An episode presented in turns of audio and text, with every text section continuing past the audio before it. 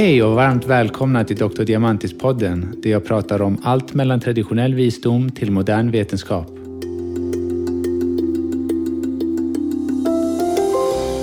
I dagens avsnitt kommer jag dela med mig den underbara visdomen bakom kinesisk medicin och vad som hände under min första lektion i Kina. Något som förändrade mitt liv för alltid. Det är ofta lätt att tro att vi har koll på hur verkligheten ser ut och hur den ter sig. Men läser man äldre texter från andra kulturer så stöter man på ganska så snart ett synsätt som inte man riktigt hört förut. Den kinesiska medicinska teorin om yin och yang kom ursprungligen från den daoistiska filosofin. Så om vi ska förstå de mest fundamentala byggstenarna inom kinesisk medicin behöver vi få en inblick i den daoistiska filosofin. Så ha lite tålamod och följ med en resa tillbaka i tiden för att förstå ditt liv idag. Vi kan aldrig uppleva den fundamentala verkligheten av universum då vi är en produkt av den. Det är därför i de viktigaste böckerna inom daoistisk filosofi, Dao De Ching, står det i första raden av första versen det vi kallar för Dao är inte det riktiga Dao. Vår hjärna är för begränsad för att begripa magnituden av de lagar och rytmer som styr hela universum. Människan kan istället få en intuitiv känsla baserad på en insikt mer än en rationell slutsats. Den insikten har man försökt beskriva med hjälp av symboler istället för att förklara det logiskt. Det är för att det logiska och det rationella kan endast ta oss till en viss punkt. Vår intuitiva känsla sker direkt, utan att behöva tänka och kan bekräfta att något är sant eller inte. Denna insikt sker ofta spontan och är en passiv handling som bara sker. Man kan förbereda sig och skapa förutsättningar, men man kan inte vara spontan på beställning. Det finns ingen metod att uppleva den fundamentala verkligheten för att en metod antyder att det finns en process och en process kan endast ske i tid och rum. Jag vill inte gå in i det mer i detalj just idag, men jag vill bara påpeka att den insikten är spontan och direkt. Och det är just den insikten som de antika kineserna försökte förklara med symboler, vad som är här och nu, men även ett sätt att förstå och förmedla kommunikationen mellan naturens lagar och det manifesta i ett makrokosmiskt samt mikrokosmiskt perspektiv. Yin och yang-symbolen utvecklades från en rad olika diagrammer. De intellektuella i antika Kina utövade något som kallades för xiang eller tu, konsten att skapa abstrakta diagram eller bilder.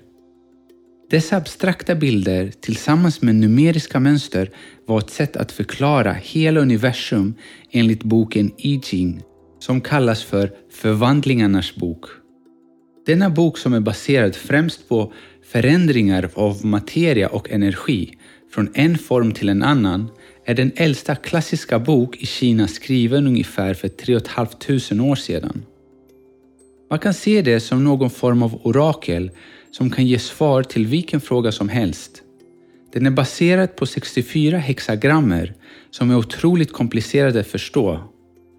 Jag gav det ett försök när jag studerade i Kina. Jag läste tre böcker, fattade ingenting. Men tänk att på den tidens Kina var nutidens Silicon Valley. Alla de mest intellektuella samlades och utvecklade detta otroliga komplexa system som blev grunden till bland annat daoismen och yin-yang-teorin. Grunden till dessa teorier är att inget varar för evigt. Allt förändras och transformeras från yin till yang och från yang tillbaka till yin. Men då är det lätt att undra, vad är yin och yang? Ja, det första som jag fick lära mig i Kina var sättet jag uttryckte yin och yang. Och det var fel. Jag sa yin och yang, vilket är fel. Det där och tyder på att det finns två olika enheter. Men det korrekta sättet att uttala det, det är yin-yang. Det är två sidor av samma mynt. En sida kan inte separeras från den andra. Men hur man började använda sig av yin-yang i det antika Kina var ett sätt att beskriva geografiska områden i relationen till solen. Den soliga sidan av berget är yang och den andra sidan, som inte får någon sol och är mörkare och kallare, kallas för yin. Detta var början till en möjlighet att klassificera allt som finns i universum i relation till någonting annat. Yin-yang i sig säger oss egentligen inte så mycket. Det är mer ett instrument att förstå sig på allt det manifesta universum. Solen är yang i relationen till månen som är yin. Yin kan vara kall, mörk, vinter, jorden, passiv och så vidare. Och yang är värme, ljus, sommar, himmel, aktiv och så vidare. När det kommer till mitt område, kinesisk medicin, så ser man kvinnan som yin och mannen som yang. Två motsatta poler som kan endast existera i närvaron av den andra motsatta och därför kompletterar varandra. Yin-yang blev ett tankesätt, ett sätt att se hela universum. Så hur såg man hela kosmos i det antika Kina? Jo, så som i alla kulturer försökte man beskriva det obeskrivliga genom vissa myter. Man trodde att innan någonting fanns, fanns det formlös kaos utan ljus eller mörker och hade formen av ett ägg. Inuti ägget fanns det en gudomlig gestalt som kallas för Pengu där han sov. Ägget representerar den balanserade samverkan av yin-yang i ett fullständigt och komplett tillstånd. Men en dag så vaknade Pengu, sträckte på sig och gjorde att ägget sprack och då separerades yin från yang. När han sträckte på sig lyfte han upp himlen som blev yang och jorden neråt som blev yin. Denna position när någon sträcker på sig med armarna uppåt blir en viktig position för den kinesiska medicinska teorin som tror att alla yang-meridianer eller energikanaler börjar uppifrån och går ner. Från fingertopparna till huvudet och sen ner till tårna och ner in till jorden som är yin. Medan yin-meridianerna eller energikanalerna går nerifrån och upp. Det börjar från tårna, går upp till bröstet och vidare sen upp till fingertopparna och upp till skyn som är yang. Människan kallas därför att vara mellan himmel och jord. Under tusentals år växte Pengo tills en dag han inte kunde växa mer och dog. Och alla hans kroppsdelar blev allt som finns i hela universum idag. Man brukar kalla det för de 10 000 delarna. Hans andetag blev vinden och molnen och hans högra öga blev solen och hans vänstra blev månen. Hans blod blev jordens alla floder och de sju haven och hans hår blev alla stjärnorna. I antika Kina trodde man att universum härstammar från en objektiv källa som kallas för Dao. Dao innehåller yin-yang som en underliggande struktur i allt det manifesta universum som någon slags matrix som omfamnar allt och genom detta yin-yang matrix kan den universella energikraften som kallas för qi, eller många som håller på med yoga kallar för prana, få möjligheten att manifesteras och ge liv till allt. Man kan jämföra myten om Pengo och Dao som i sin tur kan jämföras med vad vi kallar för Big Bang. Det kan också jämföras med siffran noll eller en punkt som representerar början av alla möjligheter. Att Pengus kropp blev alla delar i universum avspeglar även idén att allt som finns i universum finns även i oss. Att vi som människor, som är en produkt av universum, avspeglar även dess helhet. Både fysiskt men framförallt energiskt. Människan kan inte separeras från naturen och måste därför följa naturens mönster och rytmer för att vi ska vara friska. Vi vet att hela universum är dynamiskt, i ständig rörelse, för att liv betyder rörelse. På samma sätt måste vi alltid vara i ständig rörelse. Detta kan misstolkas som att vi måste jäkta från ett ställe till ett annat. Men det handlar om att vara i samma rytm med naturen. För vårt sinne kan vissa saker se statiska ut trots att det egentligen inte är det. Detta synsätt framhäver att hela universum är en enda stor organism där ett fenomen påverkar det andra. När solen kommer upp på morgonen, vilket är yang, går vi till arbetet, vilket också är yang. Och under natten så kommer månen upp, vilket är yin, och att vila eller sova är också yin. Symbolen Taiji Tu betyder universum från en enhet till mångfald. Högst upp i diagrammet är en cirkel som symboliserar den absoluta helheten innan universums början, innan tid och rum. Man brukar referera hjärtat till cirkeln då den är sluten och när man låter sitt hjärta att uttrycka sig så som när man är kär och leker med sina barn eller dansar i par till en fin sång så är man så förankrad i nuet att det rationella, vilket är tanken, står helt stilla. Man har inte koll på tiden eller vart man är. Under dansen blir man dansen. Med sin käraste blir man ett och med sin partner och med barnen så smälter man i deras ögon och försvinner i lycka. Yin yang-symbolen däremot reflekterar de två polerna i allt det manifesta universum. Detta symboliseras med de två hjärnhalvorna i en cirkel. De två hjärnhalvorna som representerar tanken. De två polerna är inte pragmatiska men ett skapande av oss. En blomma till exempel är endast fin i relation till något annat. Att vi tycker att en blomma är fin eller inte har egentligen ingenting att göra med självaste blomman. Det har ju allt att göra med våra tankar och vårt sinnestillstånd just i den situationen. Detta blev grundstenen i yin yang-symbolen som vi alla är bekanta med idag. De två delarna representerar de två polerna i livet och den ljusa fläcken i den mörka spiralen representerar att det finns något gott i allt det onda, som Darth Vader i Stjärnornas krig. Att han en gång i tiden var god och den mörka fläcken i den ljusa spiralen representerar det onda i det goda, som hos Luke som har möjligheten att bli som hans far. Det är viktigt att förstå yin-yang, att det är en dynamisk symbol där yin ständigt förvandlas till yang och yang till yin. Inom kinesiska medicinens lära så följer vi de fyra principerna hos yin-yang för att förstå människan på ett djupare plan. Det hjälper oss att förstå förhållandet mellan yin-yang och gör det lättare att tillämpa dessa principer i vårt mikrokosmos som är människokroppen.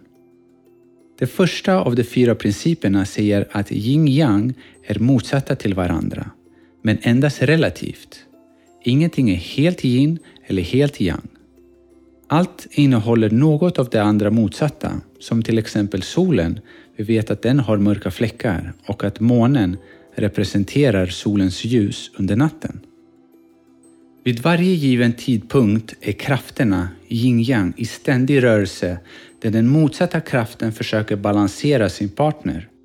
Om en dominerar kan den bli överaktiv och skada den andra, orsaka obalans som kan leda till sjukdomar. Den andra principen bygger på att yin-yang är beroende av varandra. Även om de är motsatta till varandra så kan varken yin eller yang existera oberoende från den andra. De definierar varandra precis som natt och dag gör. Vi vet vad ljus är, men endast i relation till mörker. Och mörker bara i relation till ljus. Det finns bara i förhållande till varandra. Dessutom så föder de varandra. Yang är energi och den behöver näring för att uttrycka sig medan yin har mer konsistens, en typ av näring och behöver energi för att kunna skapa. Det är en form av symbios där två saker kan se olika ut men är direkt beroende av varandra för att existera. Och där, där på ett djupare plan är faktiskt egentligen samma sak. Ett enkelt exempel är man och en kvinna. Skulle alla från det ena könet försvinna skulle det andra också. Men naturen har så många exempel, som till exempel blommor och bin. Eller jag tycker om det här exemplet från Costa Rica. Där det finns en kanariefågel med så lång näbb att endast en blomma kan ge den nektar. Blomman har under millennium blivit så djup att endast den fågeln kan pollinera den, så blomman kan inte överleva utan fågeln. Den tredje principen är att yin-yang konsumerar och stödjer varandra. När du är i balans försöker yin och yang ständigt att anpassa sig till den andra för att bibehålla en balans, en typ av homeostas. Låt oss ta kroppstemperatur som ett exempel. Det är så många faktorer som kan höja eller sänka kroppstemperaturen. Kroppen jobbar ständigt för att hålla en balans. Inom kinesisk medicin ser vi att detta kan resultera på fyra olika sätt. Låt oss fortsätta med kroppstemperatur som ett exempel. Du kan svettas för att du har sprungit och är för varm, vilket betyder att du har balanserat med yin men genererat för mycket yang genom aktivitet så att kroppen måste öppna sina porer och låta det överflödiga yang komma ut med svettet. Eller så som hos kvinnor under klimakteriet som har slutat menstruera, vilket vi tror är en brist på yin. De kvinnor upplever värmevallningar för att yang i relation till yin är mer. Men inte för att man har för mycket yang, men för att man har för lite yin. Vi kallar denna typen av hetta för falsk värme. På liknande sätt kan man förklara när någon fryser. Man kan frysa för att man varit ute i kalla vädret. Då har man för mycket yin, vilket i det här fallet är kyla. Eller så har man frysit på grund av att man har för lite yang och denna är den konstanta kylan som man går runt med hela tiden. När det känns som att man är den enda som går runt med raggsockor och håller om en kopp om te för att värma sina händer. Den sista principen säger oss att yin-yang kan transformeras från en till den andra. Den dynamiska balansen hos yin och yang är sådan att de två kan förvandlas till varandra. Sommaren kommer så småningom övergå till vinter, dag kommer övergå till natt. Skratt hos barn övergår till gråt, feber leder till frossa och sockerkicken kommer så småningom göra att du dippar och blir nedstämd. Dessa grundprinciper är det mest fundamentala i kinesisk medicin och utmärkta att använda sig av som verktyg för att få en generell förståelse över någons hälsotillstånd. I generella termer kan man använda sig av yin-yang-teorin för att kunna förstå sig själv mycket bättre på ett energiskt plan. Är du en värmekabin som måste sova med öppet fönster under vintern och tycker det är jobbigt med för mycket hetta under sommaren? Eller är du den som älskar värmen under sommaren och fryser ihjäl under vintern? Och på de här enkla sätten kan du förstå dig själv lite bättre och se om du är mer yang-typen eller mer yin-typen. Jag hoppas att dagens avsnitt har gett dig en liten inblick i hur kinesisk medicinsk teori är uppbyggd. Detta var väldigt grundläggande, men jag vill att du ska förstå att kinesisk medicinsk teori bygger på att kroppen och naturen är ett, att vi inte kan separera de två.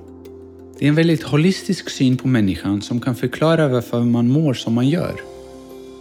Detta var allt för mig för idag. I nästa avsnitt kommer vi gå igenom vad akupunktur är och hur det kan hjälpa kroppen att läka sig själv med hjälp av nålar. Men även några väldigt intressanta resultat som modern forskning har visat att akupunktur kan ge. Tusen tack för idag. Har ni några frågor så skriv en kommentar på min Instagram som är Dr. Diamantis med C. Ta hand om er och glöm aldrig att du har din hälsa i dina händer.